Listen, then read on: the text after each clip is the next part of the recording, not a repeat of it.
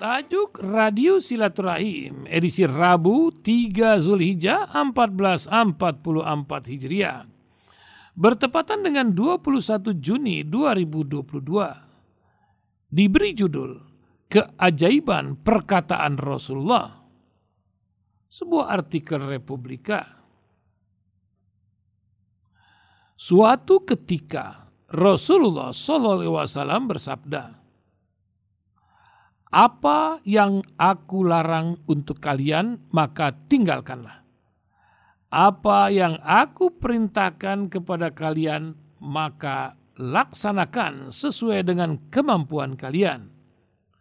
Sesungguhnya yang membinasakan orang-orang sebelum kalian adalah banyaknya pertanyaan dan perselisihan terhadap para nabi mereka. Demikian hadis riwayat Bukhari dan Muslim. Apa yang dapat kita tangkap dari hadis ini? Semua pasti sepakat bahwa hadis ini sangat luar biasa. Redaksinya begitu singkat, tapi padat maknanya dan amat luas konsekuensinya. Tidak salah pula bila kita mengatakan bahwa hadis ini adalah poros dalam Islam. Di dalamnya dua cakupan Islam, yaitu perintah untuk menaati Allah dan Rasulnya, dan larangan, yaitu untuk menjauhi apa yang dilarang Allah dan Rasulnya. Imam Nawawi berkata, hadis ini merupakan dasar-dasar Islam yang sangat penting.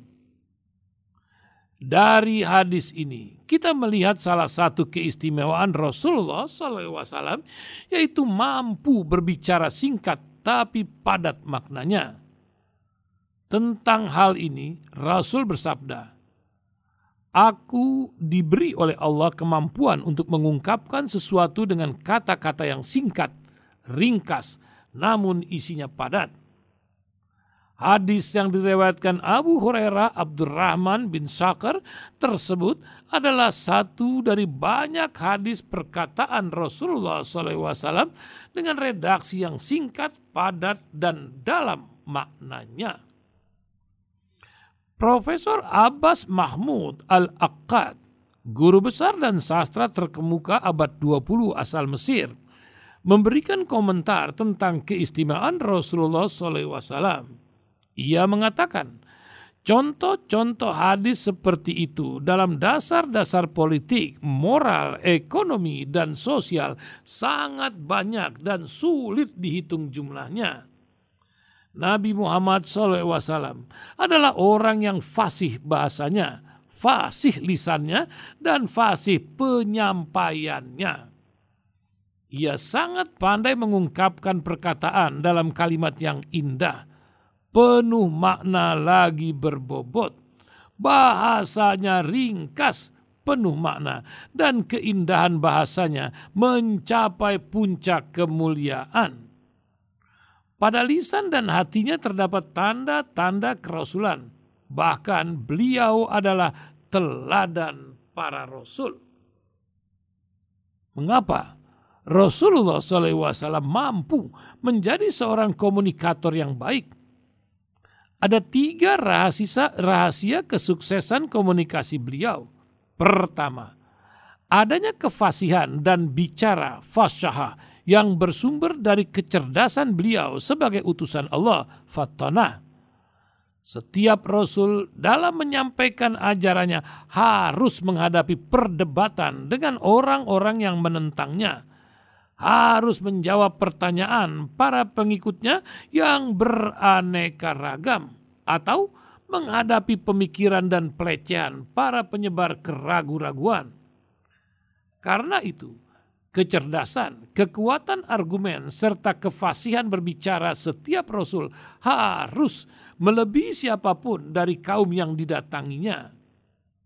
Kalau tidak memiliki kualitas seperti itu, semua yang disampaikannya, walaupun benar, akan mudah dipatahkan dan diingkari. Rasulullah SAW diutus pada suatu kaum yang sangat mengagungkan kehebatan merangkai kata. Rasulullah pun diutus tidak pada satu golongan manusia. Beliau diutus pada suatu kaum yang memiliki latar belakang ilmu, status sosial, dan spesialisasi yang berbeda-beda.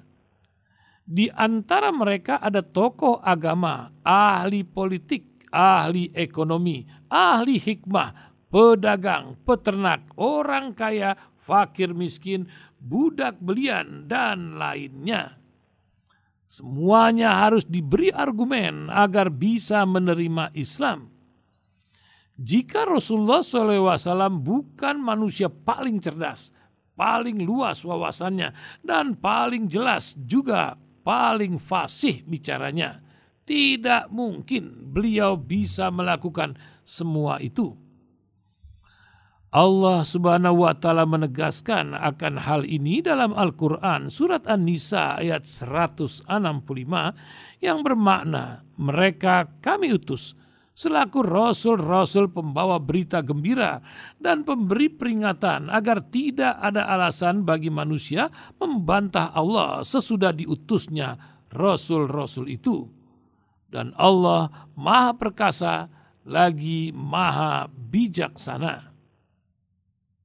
Kedua, karena bayan atau ajaran yang beliau sampaikan mengandung kebenaran mutlak.